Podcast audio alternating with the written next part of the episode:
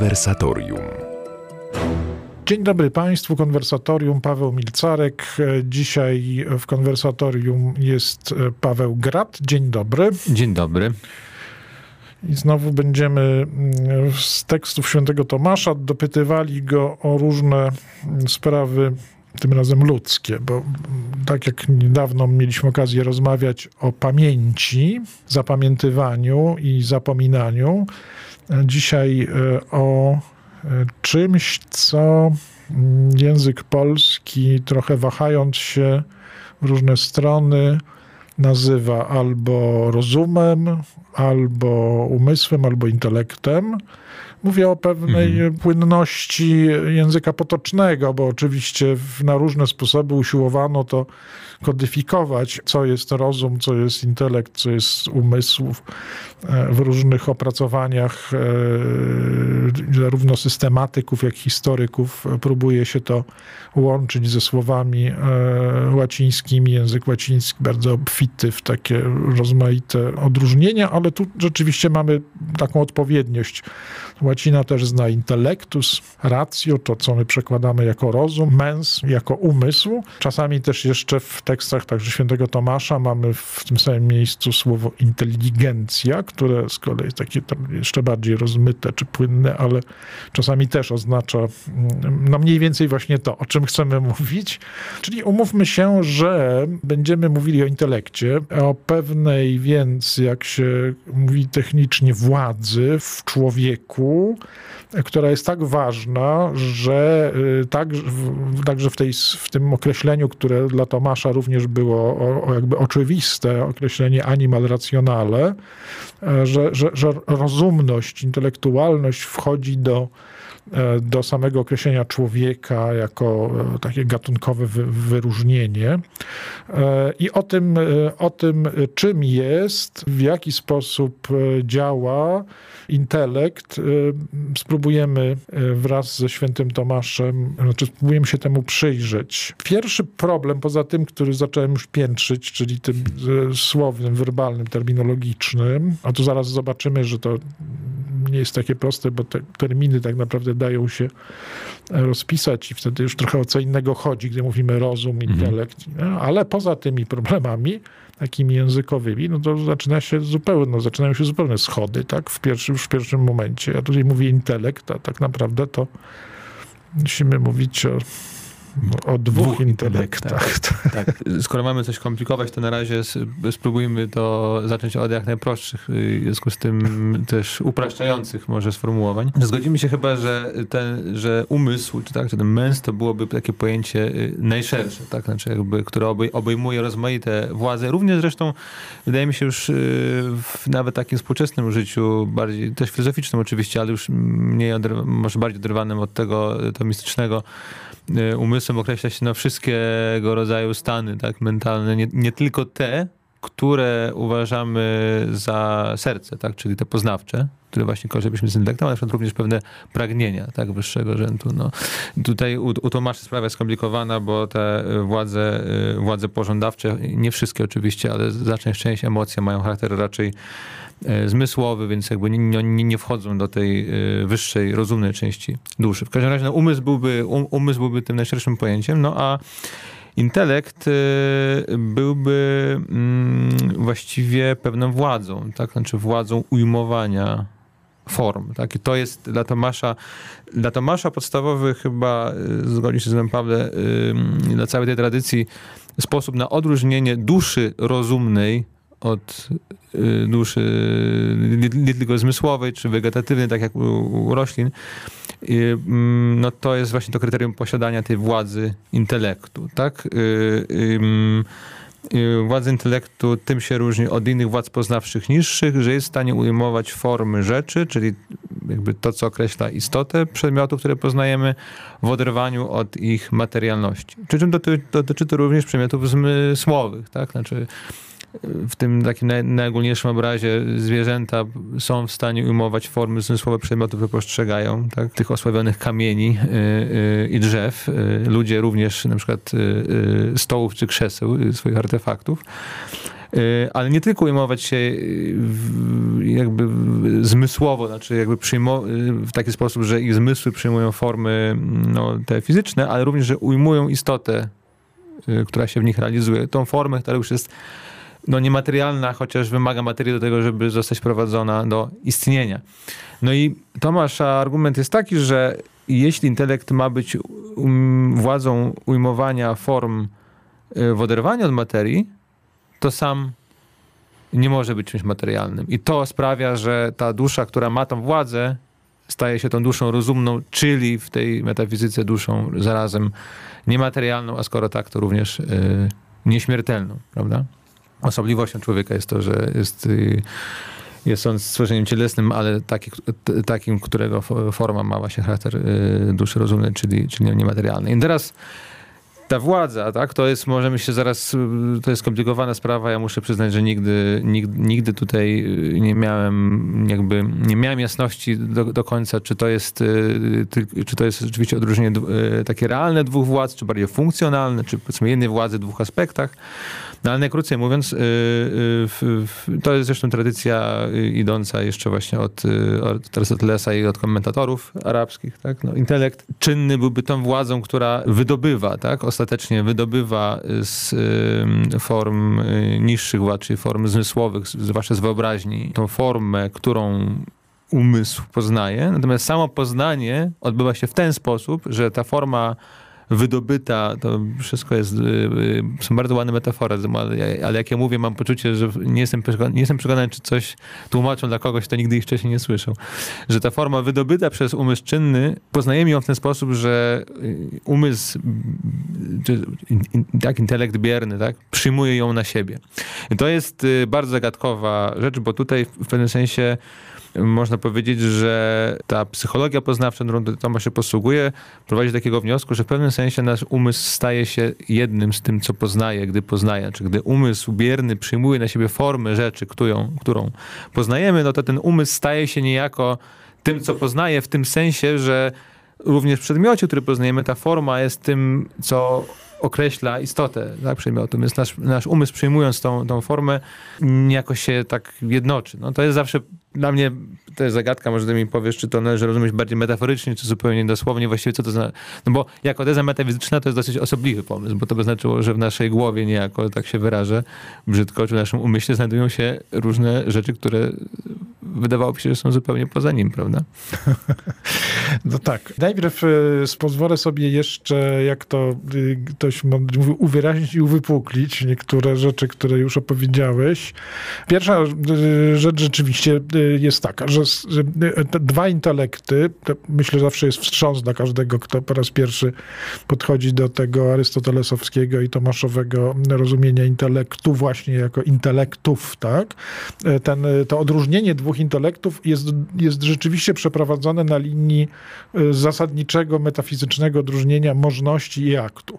W związku z tym e, to, no, jakby to powiedzieć, odpowiadając też na pewną kwestię, którą tutaj postawiłeś, no, generalnie tak zwana ortodoksja, tak, to mistyczna zawsze to ujmuje jako różnicę dwóch różnych władz, mhm. z których jedna jest w stanie wyłącznie niejako prześwietlać te, te, to, to, co nazwałeś formami, tak, i wydobywać to, co jest in, inteligibilne, to, co, to, co jest, mhm. jest do zrozumienia, a druga jest wyłącznie w stanie biernie przyjmować to, co e, zostanie niejako przez ten czynny intelekt wy, e, wydobyte i faktycznie w, zupełnie wbrew e, takiej intuicji wytworzonej, wyrobionej e, w takim chyba potocznym, tak, jaki mamy, jaki mamy rozumieniu tych spraw. Poznanie więc nie jest w ogóle, nie ma, czy ten element czynny poznania jest wtórny w stosunku do, e, do momentu biernego. E, I, mhm.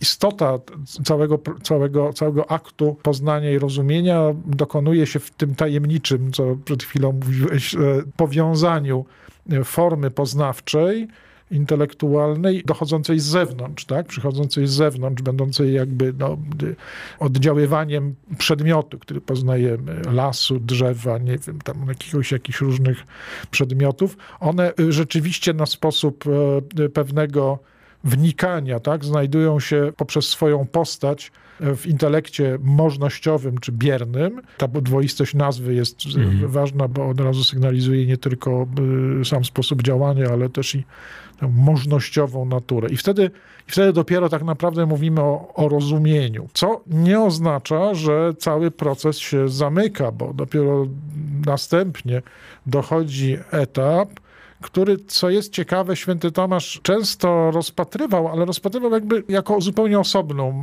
materię. Czyli nie mamy, mam wrażenie, u Tomasza właściwie że bardzo rzadko jest to opisane tak na linii, od początku poznania do końca, tylko on tak mhm. wchodzi w, te, w to zagadnienie jakby od tak. różnych stron. I ten drugi etap, który najczęściej nas interesuje i który tak naprawdę filozofia późniejsza, nowożytna, najbardziej intensywnie badała, jest jakby problem porządkowania materiału, mm. który jakoś jest już naszym rozumieniem i wlewania go w, w, rozmaite sposoby wyrażenia. I tutaj z kolei, co ciekawe, ponownie powinien się uaktywniać czy, czy, czy działać we współpracy z władzami zmysłowymi intelekt czynny, który mhm. buduje wiedzę, prawda, czy, czy tworzy mhm. jakieś... Czyli krótko mówiąc, żeby nie, już bardzo nie, wszystkiego nie, bo obiecaliśmy, że będziemy mimo wszystko upraszczali, więc po, porządkując pierwsze zaskoczenie, że cała ta tradycja Tomaszowa a tutaj tak naprawdę w znacznym stopniu arystotelesowska, stoi na stanowisku, że to w Poznaniu, to oczywiście nie, poznajemy las, to nie las się zmienia, tylko, tylko coś się zmienia w nas, w związku z tym Poznanie jest bierne. To, to mhm. jest ten cały realizm i tak dalej, to co się nazywa realizmem poznawczym. Natomiast drugim etapem, ale zawsze dla tych autorów jakoś mniej ważnym, istotnym, ale mniej ważnym, jest no już nie ta, jakby to powiedzieć, kontemplacyjna dozna, doznanie i mhm. rozumienie, tylko wytwarzanie takich sposobów zachowywania tego rozumienia, mhm. takiego, żeby ono było komunikowalne. Czyli żeby, żeby mhm. to, co zrozumiałem, żeby to, co rozumiem, to, co mnie, we mnie niejako, on używa tego języka, co we mnie jako się poczyna jako rozumienie, tak. żebym następnie mógł e, wypowiedzieć w słowie i tak dalej. To już inna, inna trochę problematyka słowa i, i jego komunikatywności. Natomiast e, oczywiście to jest, e, jak rozumiemy dobrze, mm, istotnie sprzeczne z kolei z mm, takim przekonaniem, że, że to odwrotnie, że, że właściwie materiał jakiś do nas dociera, a, my, a, a to dopiero, a, a to nasz intelekt jest tak zbudowany, że, że on tak naprawdę porządkuje świat. Nie jesteśmy w stanie rozstrzygnąć, czy istnieją rzeczy jako drzewa, jako, nie wiem, ludzie, jako tam coś tam, tylko wiemy, że pewien materiał, który do nas dociera, my rozumiemy jako człowieka, jako zwierzę, jako bardzo upraszczam sobie, tak. ale ty to zapewne będziesz potrafił usubtelnić. Nie, raczej budzi moje coraz większe zainteresowanie, bo prawdę mówiąc, oczywiście ja rozumiem, że tutaj przed chwilą się odciąłeś od takiego, nazwijmy to, y, kantowskiego wyobrażenia, tak? To znaczy takiego wyobrażenia idealistycznego, to znaczy y, przekonania, zgodnie z którym nie ma treści, znaczy nie ma żadnej treści poznania na temat świata zewnętrznego, w której jakiś istotny składnik, że tak powiem, byłby takim darem świata dla nas, znaczy czymś, co my otrzymujemy od świata w poznaniu, nie wiem, zmysłowym na przykład, tylko wszystko jest na, mniej lub bardziej naszym wytworem, w związku z tym podział na to, co zależne od umysłu, niezależne od umysłu jakoś się zatraca. Do tego byśmy chcieli, to jest jasne, ale muszę przyznać, że to porządkowanie, o którym powiedziałeś, można rozmaicie rozumieć, można je rozumieć właśnie tak, pójść y, daleko w tą stronę y, y, konstruktywizmu, czy mówisz, że to porządkowanie jest nie tylko porządkowaniem, czyli właśnie zarządzaniem pewnym materiałem zgodnie z pewnymi regułami po to, żeby lepiej rozumieć, tylko właśnie jest tworzeniem pewnego porządku, którego po prostu w świecie nie ma. I to byłby ten, te, te rozwiązanie idealistyczne właśnie, takie kantowskie. Ale jest drugi sposób? I ja muszę przyznać, że jak zawsze spontanicznie, może naiwnie, tak, kojarzyłem te wywody o intelekcie czynnym właśnie. Ta dwoistość wła- dwóch, dwóch intelektów, tym właśnie różni to, tą władzę na przykład od, od, od, percepcji, która jest przynajmniej u Tomasza, tak, no zasadniczo pasywna, tak? Chociaż tam powiedzmy w momencie wyobraźni dochodzi pewien element aktywności naszej zmysłowej, ale to zostawmy to. Tym się właśnie różni, że jest ten element właśnie pewnej naszej aktywności. Ona nie polega na konstruowaniu przedmiotu poznania, no ale jednak z jakiegoś powodu posługujemy się tą metaforą, że intelekt czynny wydobywa formę. Nie jest to czysta recepcja, tak? Po prostu nie jest tak, że świat... Y się nam narzuca w taki sposób. Zresztą to jest w ogóle, jak, jak, jak przy tym jesteśmy, zawsze mnie to bardzo frapowało, bo wydawało mi się ten moment wprost yy, przynajmniej stać pewnym napięciu, jeśli nie być sprzecznym. Tak? Czytamy z jednej strony w, w obycie i istocie o tym, że, że byt właśnie, byt jest pierwszym podstawowym przedmiotem poznania yy, intelektu, ale z drugiej strony jest ten slogan arystotelejski, że nie ma nic przynajmniej w ludzkim umyśle, co wcześniej nie byłoby w zmysłach. No i teraz jak to? Znaczy, jednak, co by nie mówić, my zmysłami y, nie poznajemy bytu jako bytu. Rozpoznanie y, bytu w, by, w bycie, tak? poznanie substancji w jej istocie, to jest jednak w tym schemacie ta czynność y, już za, dosyć zaawansowana, ta intelektualna. A skoro tak, i tutaj wracam do tego sloganu arystotelskiego, skoro nie ma nic w umyśle, co nie było wcześniej w zmysłach, no to jak? To znaczy, że nasze zmysły poznają be, bezpośrednio te formy, czy raczej potrzebna jest pewna aktywność naszego intelektu po to, żeby móc z form zmysłowych wydobyć ten to, co jest skądinąd właściwym przedmiotem poznania intelektualnego, ale wcale nie musi być pierwsze w porządku poznania. Przypomnę sobie i tobie, że tam, gdzie Tomasz mówi o intelekcie czynnym, no i w ogóle tam, gdzie mówię o intelekcie, to już sam zwróciłeś uwagę, wchodzimy w świat różnych metafor, bo mówimy o rzeczach niematerialnych. Tam, mhm. mówimy o rzeczach niematerialnych, to zaczyna się problem, że musimy przez analogię używać e, tego, co wiemy z materialnego świata, więc zaczynamy używać różnych cudownych rzeczy. Tak, przepraszam, dygresja dla odśmiania się tutaj e, taka, że zawsze mi się przypomina, jak uczeni w pewnym środowisku e, studiującym intensywnie e, metafizykę średniowieczną i teorię poznania średniowieczną, tam rzucają rzucali sobie do, do oczu ci profesorowie o to, czy, czy ten moment e, poznania, czy kontemplacyjny to jest objęcie, czy styk. No więc o, oczywiście e, to dojść może do dramatycznych sytuacji, gdy te dwa stronnictwa się ze sobą spotkają, a już co oni sami robią z, ze stykiem i z, z, z objęciami, to już w ogóle jest osobna sprawa, budząca potem na dziesięciolecia śmiechy, ale, ale wracając z pamięcią tej trudności, no to pamiętamy, że metaforą główną, którą którą Tomasz w stosunku do intelektu czynnego używa, jest metafora światła. Mhm. Czyli go to interesuje. On mówi, że, że intelekt czynny działa w ten sposób, jak światło, które wpada do pokoju, w którym, mhm. w którym jest ciemno. Nic się nie zmienia w pokoju, natomiast światło nadaje kontury rzeczom. Dzięki temu w ogóle zaczynamy widzieć. I tu zresztą inna historia, że on tak rozumie też działanie zmysłu wzroku, że on y, dopiero zaczyna wtedy działać, jeśli jednak jest jakiś warunek, który nazywa się światło. Stąd zresztą ciekawe, prawda, że, że to się wszystko plącze w, w, w, dalszych metaforach, bo Arystoteles, gdy mówił o intelekcie, intelekcie czynnym tak naprawdę, to mówił o czymś, co niejako spadło z księżyca. To jest cały potem dramatyczny spór w XIII wieku aweroiści, którzy sobie wyobrażają, że, że intelekt jest właśnie czymś zewnętrznym, mm. jest taki jeden wspólny. To się tak. bierze z mnóstwa różnych, e, e, jakby to już rozumień tej, tej metafory. Ale wracając do do tego, co, o czym rozmawiamy w tej chwili, rzeczywiście dlaczego używa tej metafory? Dlatego prawdopodobnie, bo w jego myśleniu przedkantowskim, ale także nie, nieznającym trudności kantowskich, jest e, jednak takie przekonanie, że ma e, do czynienia z działalnością nieingerującą. To znaczy z, z czymś, co nie przetwarza krzeseł. Krzesła nie są przetwarzane, gdy pada na nie światło. Natomiast w jakimś sensie oświetla tak, intelektowi mo możnościowemu to, co jest mhm. zakryte w materii postaci zmysłowych, tych species sensibiles. Problem trochę też polega na tym, że między tymi dwoma światami, to znaczy światem tej scholastyki tomaszowej i światem y, późnej bardzo scholastyki, z której wyrastał Kant, no nie było dużego, dużej styczności i mhm. wielkiej dyskusji. Pewnie później wielokrotnie tę dyskusję próbowano nawiązać, gdy te dwa światy już były zresztą bardzo, bardzo mhm. od siebie dolane. Ale zgadzam się z tobą, że tak. tak jakby intuicję twoją podzielam, że oczywiście e, jakby nie, nie chodzi o to, żebyśmy z jednej strony wyobrażali sobie jakiś akt za przeproszeniem jakiegoś niepokalanego poczęcia w intelekcie możnościowym, tak, prawda? Tak, to co mówisz dużo wnosi, bo jednak y, Mezen nakłada, znowu, ta metafora światła wydaje mi się unikać tych trudności, które sugeruje metafora porządkowania. Porządkowanie to jest mhm. dosyć taka, powiedziałbym, ingerująca czynność, tak? Mhm, Coś się mhm jak to się porządkuje, to się, nawet jeśli tak. się nie zmienia jego natury, to się zmienia jego układ, organizacja, tak? To, to jest coś więcej. I światło ma taką subtelną naturę. Znaczy wystarczy, żeby wydobyć z ciemności. Chociaż oczywiście, prawda, już słyszę tak, tak. rozmaitych fizyków, którzy nam powiedzą, że jak najbardziej zmienia y, w oczywiście, układzie, prawda? Ale zostajemy tutaj przy tej jakby, przy średniowiecznej metafizyce światła, która ma na duchową naturę i zasadniczo jakby nie rozumiem.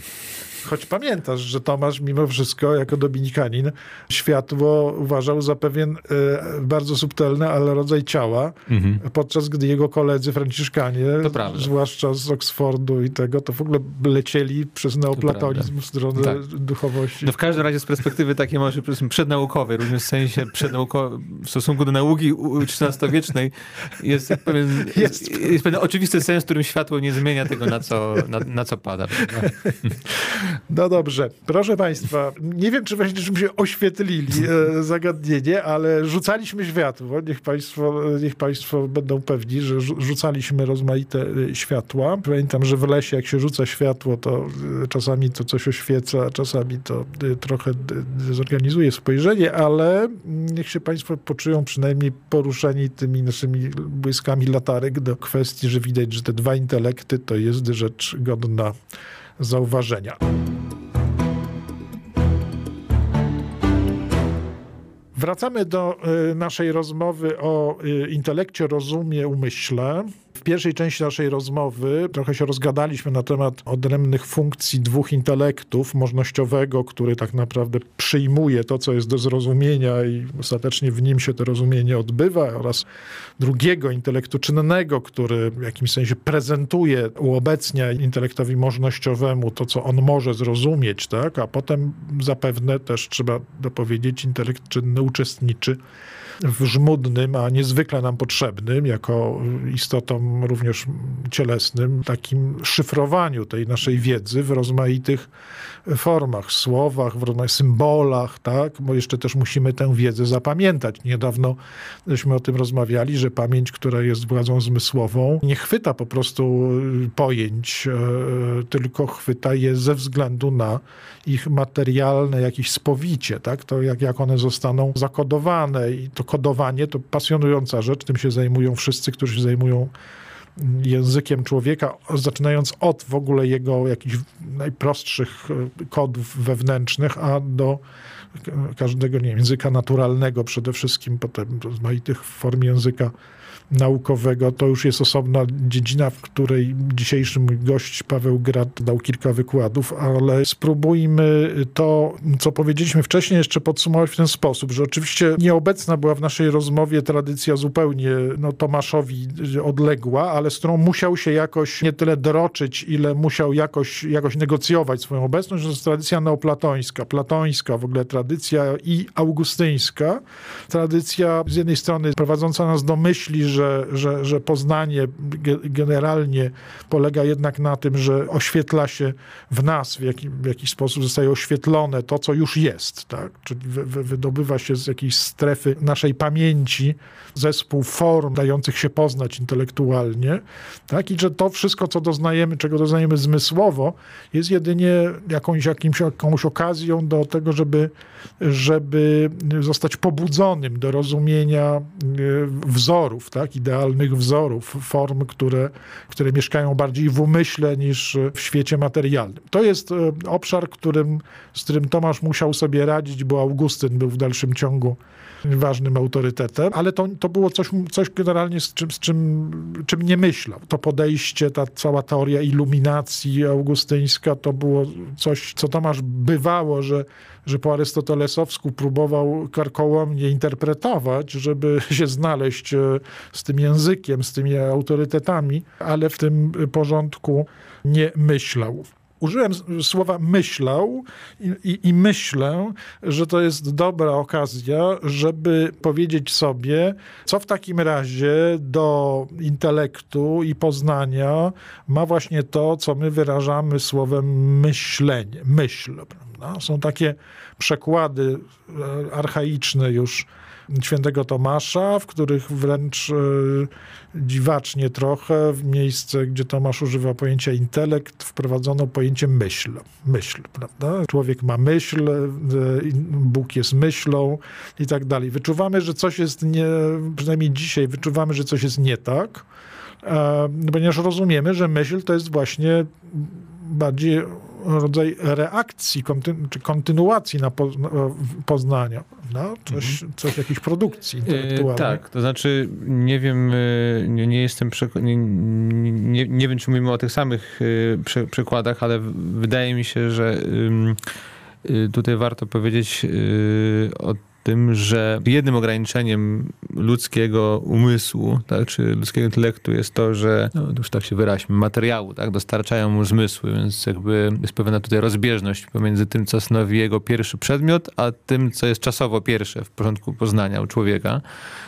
Prawda? Aniołowie czy zwierzęta nie muszą się z tym borykać, bo u nich tutaj jakby jest większa zgodność. My jesteśmy trochę mm, pomiędzy, jest nam trudniej. Ale jeszcze jest jedna, jeden jedna, jedna oznaka, y, tak powiem, pewnej słabości naszego umysłu. To znaczy ludzki umysł w odróżnieniu od y, y, inteligencji wyższych, a już w szczególności od Boga, znaczna część naszego poznania odbywa się w sposób złożony i rozbity na pewien proces. Tak? I to myślenie myślę, że ma z tym dużo wspólnego, bo kiedy mówiliśmy o intelekcie, to w pewnym sensie mówiliśmy o czymś, co zachowuje się jakoś podobnie, zwłaszcza intelekt bierny, myślę, do, czy jest, jest czymś w rodzaju takiej percepcji umysłowej, tak? Znaczy mamy percepcję zmysłową i to jest percepcja umysłowa w tym sensie, że jest to pewne proste, bierne doznanie pewnej formy, tak? No i zdaje się, że taki, taki element naszej, w naszej architekturze władz poznawczych jest tutaj niezbędny u Tomasza, ale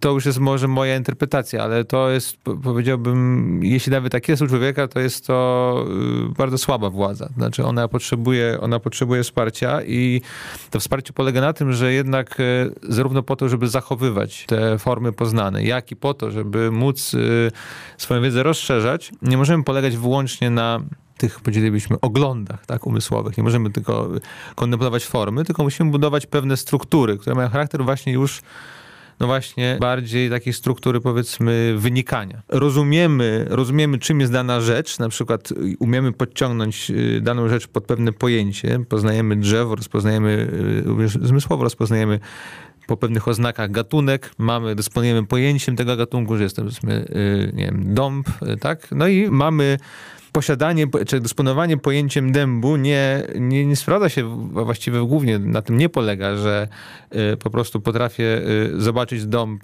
wtedy, kiedy on jest przed moimi oczami, ale że pojawienie się y, tego, albo nawet niekoniecznie pojawienie się, ale w ogóle jakby samo użycie tego pojęcia pozwala mi aktywować pewną wiedzę, która ma, ma na ten temat, tak? Nie, na, temat własności drzewa, jego, jego kształtu, być może jakichś też uwarunkowań związanych z jego wzrostem i tak dalej, i tak dalej. Wszystko to, co na przykład dendrolog y, y, może mieć w głowie. I ja bym powiedział, że, czy no nie wiem, może to jest bliższe trochę temu, co się nazywa racjonacją, tak, czy pewnym rozumowaniem, tak, no ale jednak na przykład jeśli dzisiaj w współczesnej filozofii mówi się o myśleniu, to ma się na myśli przede wszystkim właśnie nie proste akty poznania umysłowego, bo to jest w ogóle rzecz podejrzana dzisiaj, ni niestety moim zdaniem. Tylko zakłada się, że myślenie zawsze ma charakter właśnie jakby, jakby nie powiedzieć inferencyjny, tak? czy, czy pewnego wnioskowania, operowania w pewnych strukturach, które można rozpisać na ciągi y, wzajemnie wspierających się zdań, prawda? a nie po prostu prosty ogląd y, danej y, pojedynczej formy. O, dzięki wielkie, bo w ten sposób niewątpliwie odtworzyliśmy pewne przynajmniej jeśli nie, jeśli nie rozbudowaliśmy pierwszego, to dobudowaliśmy drugie płuco w, w, tej całej problematyce, no bo wspomniałeś o racjocynacji, ale to dlatego, że scholastycy e, ciągle posługiwali się tym odróżnieniem intelekcjo, tym pierwszym właśnie aktem takiego rozumienia i racjocinacjo, który jest niezbęd, niezbędnym partnerem tego, tego pierwszego, racjocinacjo, czyli pewnego rozumowania, dzięki któremu uzyskuje się nową wiedzę. Teraz ta wiedza uzyskiwana w racjocinacjo nie jest gorsza od tej, którą się mhm. uzyskuje w intelekcie. Dzięki temu, dzięki racjocinacjom można docierać wiedzą, czy uzyskiwać wiedzę na temat przedmiotów, z którymi się nie spotkaliśmy. Czy mówię nie tylko w sensie zmysłowo spotkaliśmy, ale przedmiotów, których w ogóle nie spotykamy w zmysłach. To, co my tutaj trochę zaczepiamy, czyli istnienie przedmiotów, które się nie narzucają zmysłom, tak intelekt jest takim e, mhm. dla scholastyków przedmiotem. E, cała sfera jakichś niematerialnych obiektów, oczywiście ona dzisiaj właśnie jest jakimś tam przedmiotem dyskusji dla wielu autorów, tak? Ale mówimy o punkcie widzenia świętego Tomasza, on uważa, że jedyną tą kładką, sposobem dojścia do tych przedmiotów, włącznie z Bogiem, jest mhm. uruchomienie poprawnego racjocinacjo de facto. Racjocinacjo bazuje na rozumieniu, na tym akcie tak. intellectus pierwszym, ale jest już działaniem, y, tutaj dziękuję ci za y, w ogóle przypomnienie sprawy, bo w tym, co ja wcześniej starałem się komentować, mhm. wyglądało to trochę tak, że najpierw mamy rozumienie, a potem już tylko budowanie, kodowanie w różnych różnych językach. Tymczasem oczywiście po prostu najzwyczajniej w świecie jako ludzie budujemy wiedzę i, i również na zasadzie dyskursywnej, czyli, czyli jakby scholastycy też lubili te porównanie. Nie to, że idziemy jednym ruchem do, do celu, tylko mhm.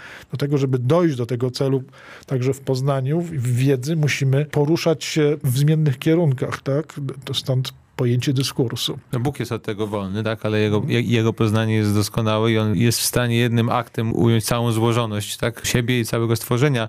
W naszym wypadku jednak to jest też, może warto o tym wspomnieć, czy to jest właśnie coś, co, co, co znowu, no mnie, mnie, mnie jakoś zawsze zastanawia i jeśli dobrze rozumiem, jak w realu, tak, funkcjonuje to poznanie intelektu czynnego w naszym wypadku, to jest dosyć ograniczone, tak. Powiedzmy, jestem w stanie zauważyć jednego ze swoich domowników, który powinien być w pracy w salonie w swoim domu, no to jakby mój intelekt wierny rozpozna ten fakt, przyjmie tę formę i będę w stanie sobie z tego zdać sprawę, ale żeby wyciągnąć dosyć w sumie oczywisty wniosek, y, że w związku z tym ta osoba nie poszła do pracy, tak, i jakby być może nie dopełnia swoich obowiązków, potrzebuje już pewnego rozumowania. Nie muszę, nie mam możliwości pojechać do biura i tam naocznie przekonać się, że nie ma jakby ta forma nie uderza mnie swoją oczywistością, tylko jestem w stanie ten wniosek opierając się na jakichś prostych założeniach, że tak, że jakby ludzie zasadniczo nie przebywają w dwóch różnych miejscach naraz, tak?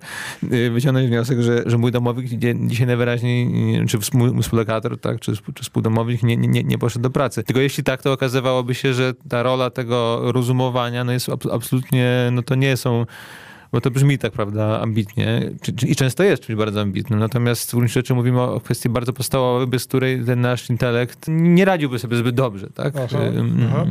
To jeszcze do tego chciałbym za chwilę wrócić, ale spróbujmy, żeby to nam nie zniknęło, dorzucić już po prostu na zasadzie jeszcze jednego grzybka do naszego koszyka. Skoro na początku mówiliśmy o mens, o umyśle, to oczywiście teraz sobie zdajmy sprawę, że w tej e, niewielkiej drużynie, która na razie dla nas się składa z intelektu czynnego, intelektu możnościowego, zaraz obok gdzieś mens jest również ta władza, którą wydzielano jako wolę, tak? pożądanie, pożądanie intelektualne appetitus intellectivus, e, która już z kolei odpowiada za akty chcenia jest w drużynie, bo, nie, bo z jednej strony bez niej, bez, bez tej władzy nie ma chcenia, tak? inaczej niż e, potem w tradycji kartezjańskiej, gdzie tak naprawdę, jakby to powiedzieć, chcenie, poznanie trochę jest wymienną, wymiennym działaniem umysłu. Scholastycy e, to mocno rozdzielają. E, jeśli wola się nie, osobno nie, nie, nie usprawnia, to po prostu kiepskie są nasze decyzje, mimo, mimo na przykład dobrych rozeznań, dobrego rozumienia. Ale z drugiej strony wola oczywiście, to inaczej niż e, encyklopedycznie mówiąc wolontaryzm, każdy nam by podpowiadał, jest bardzo zależna od podpowiedzi e, intelektu, od jego rozumień, od tego, czy on wskazuje jakiś przedmiot, pokazuje, że on jest dobry, że, że jest godzien uwagi i tak dalej, i tak dalej. Więc tak mówimy na marginesie, bo kiedyś pewnie jeszcze, że mhm. będziemy mieli okazję rozmawiać po prostu o słynnym pożądaniu, tak? Mhm. czyli o, po prostu o woli, o, o uczuciach i tak dalej. Ale teraz tylko wspomnijmy, żeby nam nie wypadł ten wątek e, również tego piętra intelektualnego pożądania, prawda, które nazywane jest voluntas wola. Wracamy do rozmowy o intelekcie. Przed przerwą w drugiej części naszej rozmowy de facto rozmawialiśmy już sporo o rozumie, bo w tradycji pojęciem rozum, racjo zwykło się nazywać e, to jeszcze augustyńskie określenie intelekt w ruchu, tak? czyli taki intelekt, który działa na swojej drodze budowania wiedzy, poznania i tak dalej, czyli w jakiejś, jakiejś aktywności, stąd też i pojęcie łacińskie raciocinatio, czyli rozumowanie, tuż przed przerwą, budząc miłe zaskoczenie Pawła Grada, y, zapowiedziałem, że, y, że, że chciałbym, żebyśmy też jeszcze odkryli tajemnicę pozornej intelektualności w, w człowieku i za tym takim może dziwnym określeniem stoi po prostu pojęcie i rzeczywistość taka trudno na język polski przekładalna. Mianowicie istnieje w człowieku według psychologii Tomaszowej i Arystotelesowskiej, właściwie Tomaszowej, nie? Arystotelesowskiej, mhm. istnieje taka władza zmysłowa, którą się nazywa viscogitativa. Trzeba było to tłumaczyć e, moc czy władza. No cogitativa to dokładnie myśląca, tak? E, myślenia. E, jest też określenie inne, ratio particularis, czyli rozum szczegółowy. A w naszej polskiej terminologii zwykło się po prostu używać dziwacznego, ale jednak utrwalonego określenia władza konkretnego osądu. To jest taka władza, która bardzo często często y, zbiera różne niechęci i pioruny od tych, którzy mówią o wzniosłości intelektu, bo się mówi o wzniosłości intelektu i tak dalej, i tak dalej, a za chwilę się okazuje, że w codziennej naszej aktywności to bardzo często to, co nam się wydaje, że jest naszą aktywnością intelektualną, to jest w dużej mierze aktywnością naszej władzy konkretnego osądu, która na poziomie zmysłów, a więc na mhm. poziomie pewnej szczegółowych rozeznań, nie aspirujących do jakichś powszechnych e, twierdzeń, jest po prostu zespół takich rozeznań, którymi się posługujemy, żeby żyć na co dzień. I one są jakoś podobne do, do rozumu, dlatego w tradycji jednak uży, użyto ratio particularis, bo mimo wszystko formułują takie proste jakieś reguły, tak? Czyli na przykład reguła pod tytułem nie pchaj palców do, do kontaktu jest e, oczywiście, może być wynikiem e, e, pewnych rozumień, wiedzy i właśnie do tego zmierzamy bardzo często, ale zasadniczo funkcjonuje w życiu naszym wcześniej niż poznanie przyczyn, dlaczego nie należy tego robić. Tak, jeśli się trzymać tego kogitacją, no to jakiegoś myślenia, też poznania, praktycznego zasadniczo. W odróżnieniu od, y, bo jednak kiedy mówiliśmy o intelekcie czynnym, biernym, no mieliśmy na myśli przede wszystkim tę władzę no, tak nazwijmy tak po staremu, teoretycznego poznania, znaczy poznania, którego celem jest po prostu, po, po, prostu prawda, a nie, a, nie, a nie jakieś działanie, no bo jeśli mówimy o rozpoznawaniu reguł działania, no to jest y, trochę co innego, prawda? Na ogół tego dotyczą przykłady. Przyk no właśnie, prawda? No więc dlatego... Pamiętasz przykład, który zawsze budzi rozrzewnienie y, y, i to jest od Avicenny mhm. jeszcze wzięty, że jest wilk i owca, tak? Wilk, mhm. owca spogląda na wilka, u niej jest ta, ta scholastycy odróżniali, że ta władza się nazywa vis estimativa. E, owca nie zastanawia się w cudzysłowie tak. nad, nad tym, tylko po prostu wie, że wilk jest, jest groźny, ucieka. Natomiast mówi, chyba właśnie Avicenna jeszcze też kontynuuje, że w człowieku jest trochę bardziej skomplikowane, bo z jednej strony jest schemat działający mhm. viscogitativa, człowiek powinien uciekać, ale, i to jest nasza wielkość ludzka, nad viscogitativa panuje rozum. Albo który, przynajmniej może panować. Albo może, tak, albo może, albo może, rzeczywiście tak trzeba by powiedzieć. I on może w tym sensie, że znamy takie wypadki z życia wielokrotnie, prawda, tak rozum mówi, nie, nie ale nie będziemy uciekali przed wilkiem, mm -hmm. bo bo wilk jest w klatce, no to akurat chyba dobrze. dobrze. To skoro ja, ja, ja, ja zadaję pytania w imieniu słuchaczy, to już, czym, czym to się różni od uczucia? No bo jeśli mówimy, że, że owca ucieka przed wilkiem, bo widzi, że wilk jej, jej, jej grozi, no to jest przynajmniej ja, mój, mój odruch jako filozofa jest taki, że to jest tego metafora i owca nic nie widzi i nic nie wie, tylko po prostu to jest, y, mamy na myśli to, że jest u spontaniczna reakcja emocjonalna strachu, tak, prawda, i tak. ucieczki. Różnica polega na tym, że żeby zaistniało uczucie, to musi być najpierw to, co budzi uczucie, musi być nominowane, mm. musi być mm -hmm. oklejone mocnym sygnałem. Tak. Dobre, złe przydatne, nieprzydatne. Otóż viscogitativa w tym e, mhm. aspekcie zajmuje się rozklejaniem okay. tych naklejek. I wtedy rzeczywiście patrz, że żeby z, na przykład rozmontować jakiś lęk, który może być zupełnie źle mm. kierunkowany, no to musi i zainterweniować rozum i zmienić naklejki. To znaczy musi mm. spowodować, że, że te naklejki nie będą w ten sposób funkcjonowały, jak funkcjonują. Co jest zresztą właśnie e, takim problemem, prawda? Często w, w naszej kulturze o tym nieustannie mm. dyskutujemy, nigdy nie mówiąc o viscogitativa, ale nieustannie tak naprawdę mamy do czynienia z jej aktywnościami, gdy mówimy o schematach, pewnych mm. stygmatyzujących tam określeniach i tak dalej bo z jednej strony my chyba jesteśmy po prostu, nawet chciałem się roz, rozpędzony powiedzieć skazani, ale to po prostu jest nasza natura, że bardzo dużo rzeczy e, musi rozstrzygać, no tak. rozstrzyga. To są te wszystkie słynne przez psychologów opisywane skrypty. Jeśli dobrze rozumiem, sugestia jest taka, że różnica w stosunku do y, już niepozornego, tego właściwego y, umysłu jest taka, że no po pierwsze, jak rozumiem formy, jeśli jakieś poznaje, to zmysłowe, a nie niezmysłowe. Mhm. To jest raz. Dwa, że jest co, nie jest, y, nie jest wolna w tym sensie, że jakby i to jest oparte na pewnym automatyzmie, podobnie jak instynkt, w odróżnieniu od, od lektu, który jest... Dość przypadkowe i nie wnikające w, mhm. w przyczyny. Nie żadne przyczyny, tylko rozpoznające, Właśnie, czy coś na, nadaje, jest... nie dodaje, bo też jeszcze oczywiście przydatność może czasami być, roz, być traktowana tak. jako zrozumienie czegoś, że mhm. wiesz, klocek pasuje do klocka. Tak jest traktowany niekiedy, tak sobie myślę na przykład w niektórych pedagogikach, że w ogóle to wystarczy, że wystarczy, że ktoś ma umiejętność konstruowania, czyli łączenia przydatności tak. różnych, różnych elementów, ale nic nie wie, po co to jest i co łączy, nie musi wcale o tym, o tym nic wiedzieć. Gdzieś tu jest różnica między, między taką umiejętnością majstrowania, tak, a umiejętnością tworzenia. No ale to już właśnie, tak jak powiedziałeś, przechodzimy do, wyraźnie na teren poznania, ale mhm. praktycznego, tak, o co chodzi. No też to nie jest dziwne, bo zmysły w ogóle zajmują się tylko tym, co w sumie co jest przydatne, nieprzydatne, a nie dokonują jakichś odkryć Ameryki, tak. Tyle, szanownych państwa. Dzisiaj poza tym, żeśmy o różnych rzeczach mówili, to też e, mieliśmy okazję żywo z Pawłem Gradem wymieniać światłami na temat myśli Akwinaty i związanej z tym jakiejś klasycznej arystotelesowskiej teorii intelektu.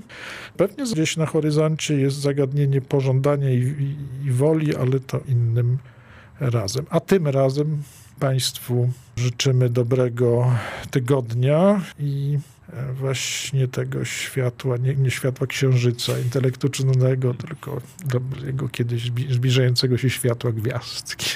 Dziękujemy za uwagę i do usłyszenia. Audycja powstaje we współpracy z kwartalnikiem Christianitas.